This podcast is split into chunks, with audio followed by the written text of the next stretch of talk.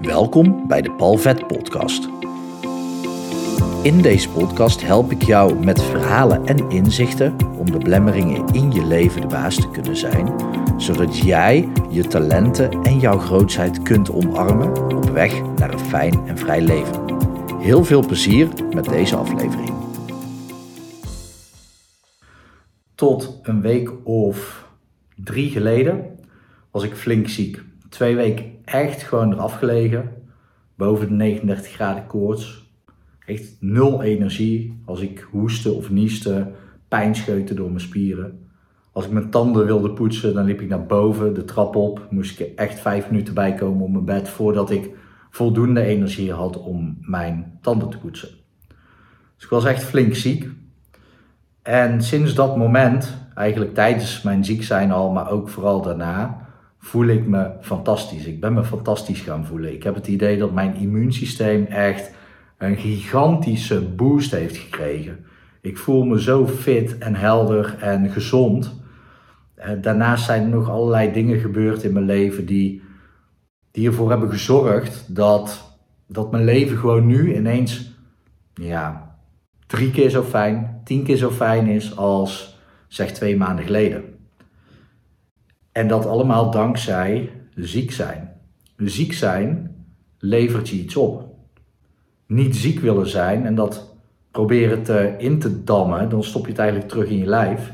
Zelfs als met paracetamol om je koorts te verlagen. Koorts is handig, want dat helpt je lichaam om te herstellen, om te helen. Ga je dat onderdrukken omdat je toch iets wil doen, ja, dan dat werkt niet zo goed voor je systeem.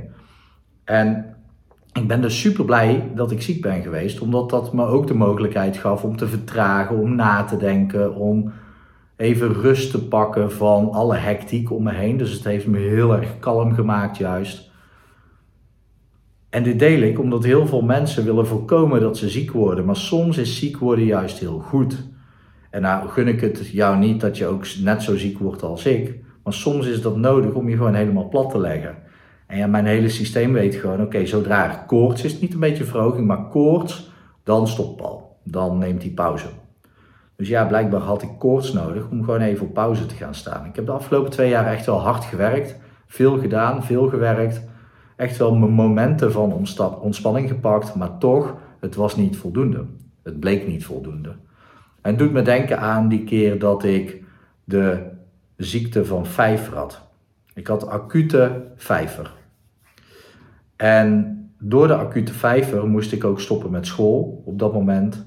Ik had ook echt wekenlang 40, 41 graden koorts. Dus ik kon ook niks meer als alleen maar in bed liggen.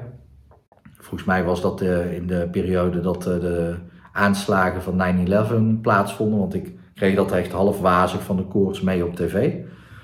Ik had ook vijf sferen in mijn keel, best wel heftig. Maar dat was voor mij ook een moment van... Hey, ga nou eens nadenken over wat je met je leven wil. En toen was ik echt flink ziek. Nu uh, had ik gewoon, ik denk, een stevige griep te pakken. Um, en ja, dat valt in het niet bij wat er, wat er toen gaande was. Ik moest eigenlijk naar het ziekenhuis, maar gelukkig kon ik goed genoeg thuis verzorgd worden. Zo heftig was ik toen ziek. Maar dat gaf mij wel een moment van, hey, is dit nou wel het leven wat ik wil leven? Want ik studeerde chemie. En terwijl ik chemie studeerde, dacht ik, ja, maar dit is niet waar ik me voor heb ingeschreven. Want de scheikundelessen waren tof, allemaal proefjes doen, allemaal leuke dingen ontdekken. Ja, toen startte ik met mijn propeduizen, biochemie. Want het was een, een opleiding, in, ja, een deel ging richting bio, ander richting chemie. Dus dat viel samen. Ja, dat was oerzaai. Ik had een stapel boeken, uh, nou ja, het past niet eens op de video hier. Die was echt flink, echt een flinke stapel boeken, allemaal in het Engels, allemaal moeilijke stof. En dan moesten we allemaal kennen voor allerlei tentamens. En de groepsopdrachten, dus de, de dingen die we moesten doen, daar haalde ik hoge cijfers in. Maar tentamens haalde ik maar net aan. En toen kreeg ik vijver en toen ben ik gaan nadenken. En toen kwam ik er ook gaandeweg achter van oké, maar dit is helemaal niet waar ik gelukkig van word. Dit is helemaal niet wat ik wil. Toen koos ik er ook voor, oké, ik ga er een jaar tussenuit. En daarna kijk ik wel wat ik nou wel wil met school. Nou ja, wat bleek, ik belandde in de muziek en ik werd DJ en kroegbaas en heel die kant ging ik uit. Wat me ook heel veel waardevolle lessen heeft opgeleverd. Maar het haalde me vooral weg uit een omgeving waar ik eigenlijk niet in wilde zetten. Dus ziekte toen was ook gewoon erg helpend. En nu weer niet dat ik nu een hele andere kant op ga, want ik blijf juist doen wat ik doe. Maar het heeft me wel doen inzien dat ik het ook heel vaak gewoon heel moeilijk maakte voor mezelf. Terwijl heel veel dingen zoveel makkelijker kunnen gaan op het moment als je je veel minder druk maakt over dingen. Nou ja, ik kon me nergens over druk maken als alleen maar oké, slapen. En hoe krijg ik nog een beetje voeding binnen, een beetje gezonde voeding. En hoe herstel, hoe herstel ik op de juiste, op de goed, ja, zo goed mogelijke manier, juist mogelijke manier. In ieder geval niet wegstoppen door proberen alles in te dammen, maar laat het er maar uitkomen. Want ja, dat heeft mijn immuunsysteem echt een flinke boost gegeven. En daar ben ik dus super blij om. Want ik zeg, mijn leven is daarna echt wel makkelijker geworden. Omdat ik één fitter ben. Ik voel me echt gewoon fit. Ik heb het echt idee van, nou, ik kan de hele wereld aan. Zelfs mijn kracht. Dus in de sportschool is mijn kracht nadat ik ziek ben geweest sterker dan voordat ik ziek was. Dus ook dat heeft veel opgeleverd. Ik ben ook wat vet kwijtgeraakt wat niet is teruggekomen. Dus oude ballast, zo zie ik dat. Mijn conditie, nou die begint alweer aardig op het voorgaande niveau te komen. Ik denk dat ik op 95% zit. Dus wat dat betreft heeft die ziekte mij juist ook fysiek gezien dingen opgeleverd. Maar vooral mentaal, emotioneel en spiritueel ook gewoon dingen opgeleverd. En dat is gewoon te gek, want we proberen allemaal ons veilig te houden om die signalen van het lichaam maar niet meer te hoeven ervaren, op wat voor manieren dan ook. Maar juist alleen maar alles veilig, veiligheid creëren, zorgt juist voor onveilige situaties. Want als jij denkt dat je veilig bent, dan word je nonchalanter. Dan, ja, dan ga je minder goed voor jezelf zorgen, bijvoorbeeld. Kijk, op het moment als ik denk dat ik niet meer ziek kan worden, ja, dan ga ik wel gewoon lekker weinig slapen, niet meer sporten en alles eten wat los en vast zit. Daar hou ik niet van. Ik hou van gezond eten. Maar ja, dat is wel wat je dan kunt gaan doen. Op het moment dat jij je veilig achter in de auto, dan ga je veel andere dingen doen in de auto dan autorijden. Dan ga je echt gewoon heel relaxed en heel vrij autorijden. Omdat je denkt, ja, er kan toch niks gebeuren ja, hoe veiliger de situatie lijkt te zijn, hoe onveiliger de situatie is. En dat is zonde, want dat proberen we allemaal te beschermen. En juist is het soms goed om je gewoon even slecht te voelen. Of dat het nou ziekte is, of dat je mentaal gewoon lekker, lekker even in de put zit. Ik zou dat ook gewoon zo noemen. Ja, ik zit lekker even in de put. Ja, het is soms ook wel fijn. Zo'n donkere put, ga je gewoon lekker inzitten in die put.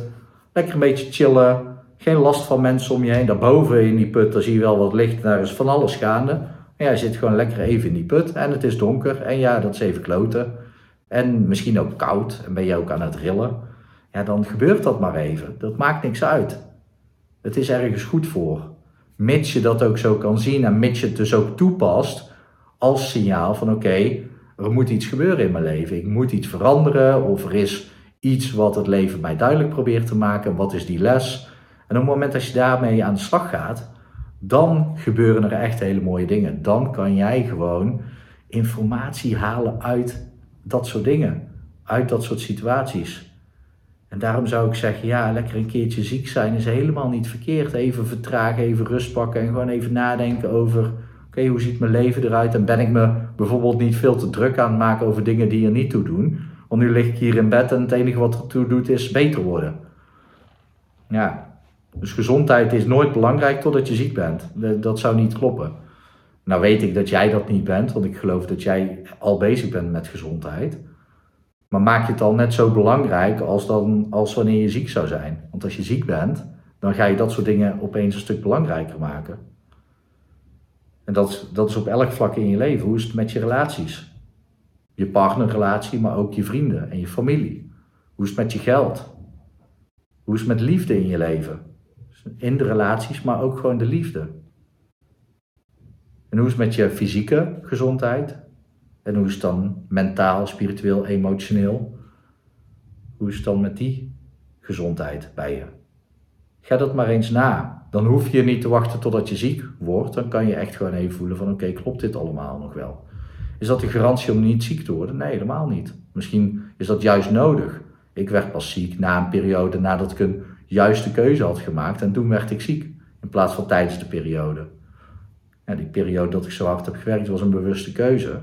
Dus ja, dat ik dan ziek werd, is misschien gewoon een welkome bijkomstigheid, die op dat moment gewoon kloten voelde, maar wel heel erg helpend en helend was. Dus ik zou zeggen, kijk eens naar de dingen die in je leven gebeuren, die jij als negatief uitlegt. En juist die situaties hè, die jij als negatief uitlegt, dat zijn vaak de situaties waarvan je later zegt, ja, daar is de grootste verandering opgetreden. Daar heb ik het meeste aan gehad in mijn leven. Ja, dan moeten ze wel ook kunnen gebeuren in plaats van dat je heel veilig probeert te leven, dat er niks in je leven gebeurt. Ja, dan blijf je ook gewoon, net zoals ik hier, gewoon lekker op een stoel zitten. En dan, uh, ja, dan gebeurt er niks. Dan ben je gewoon lekker een beetje zo aan het leven. En dan is je leven eigenlijk best wel saai. Ja, wil je dat? Ik zeg niet dat jouw leven saai is. Maar sta je zelf eens toe om je gewoon kloten te voelen, sta je zelf eens toe om ziek te worden. Niet dat je ongezond moet gaan leven zodat dat gebeurt. Dan sta je zelf toe om te vertragen. Sta je zelf toe om stilte op te zoeken en te luisteren naar jezelf, naar die fluistering. Want op het moment dat jij stil bent, even één minuut. Ik ga nu geen minuut stilhouden. Doe ik misschien op het einde van de video wel even. Gewoon even één minuut stil zijn. In het begin hoor je niks.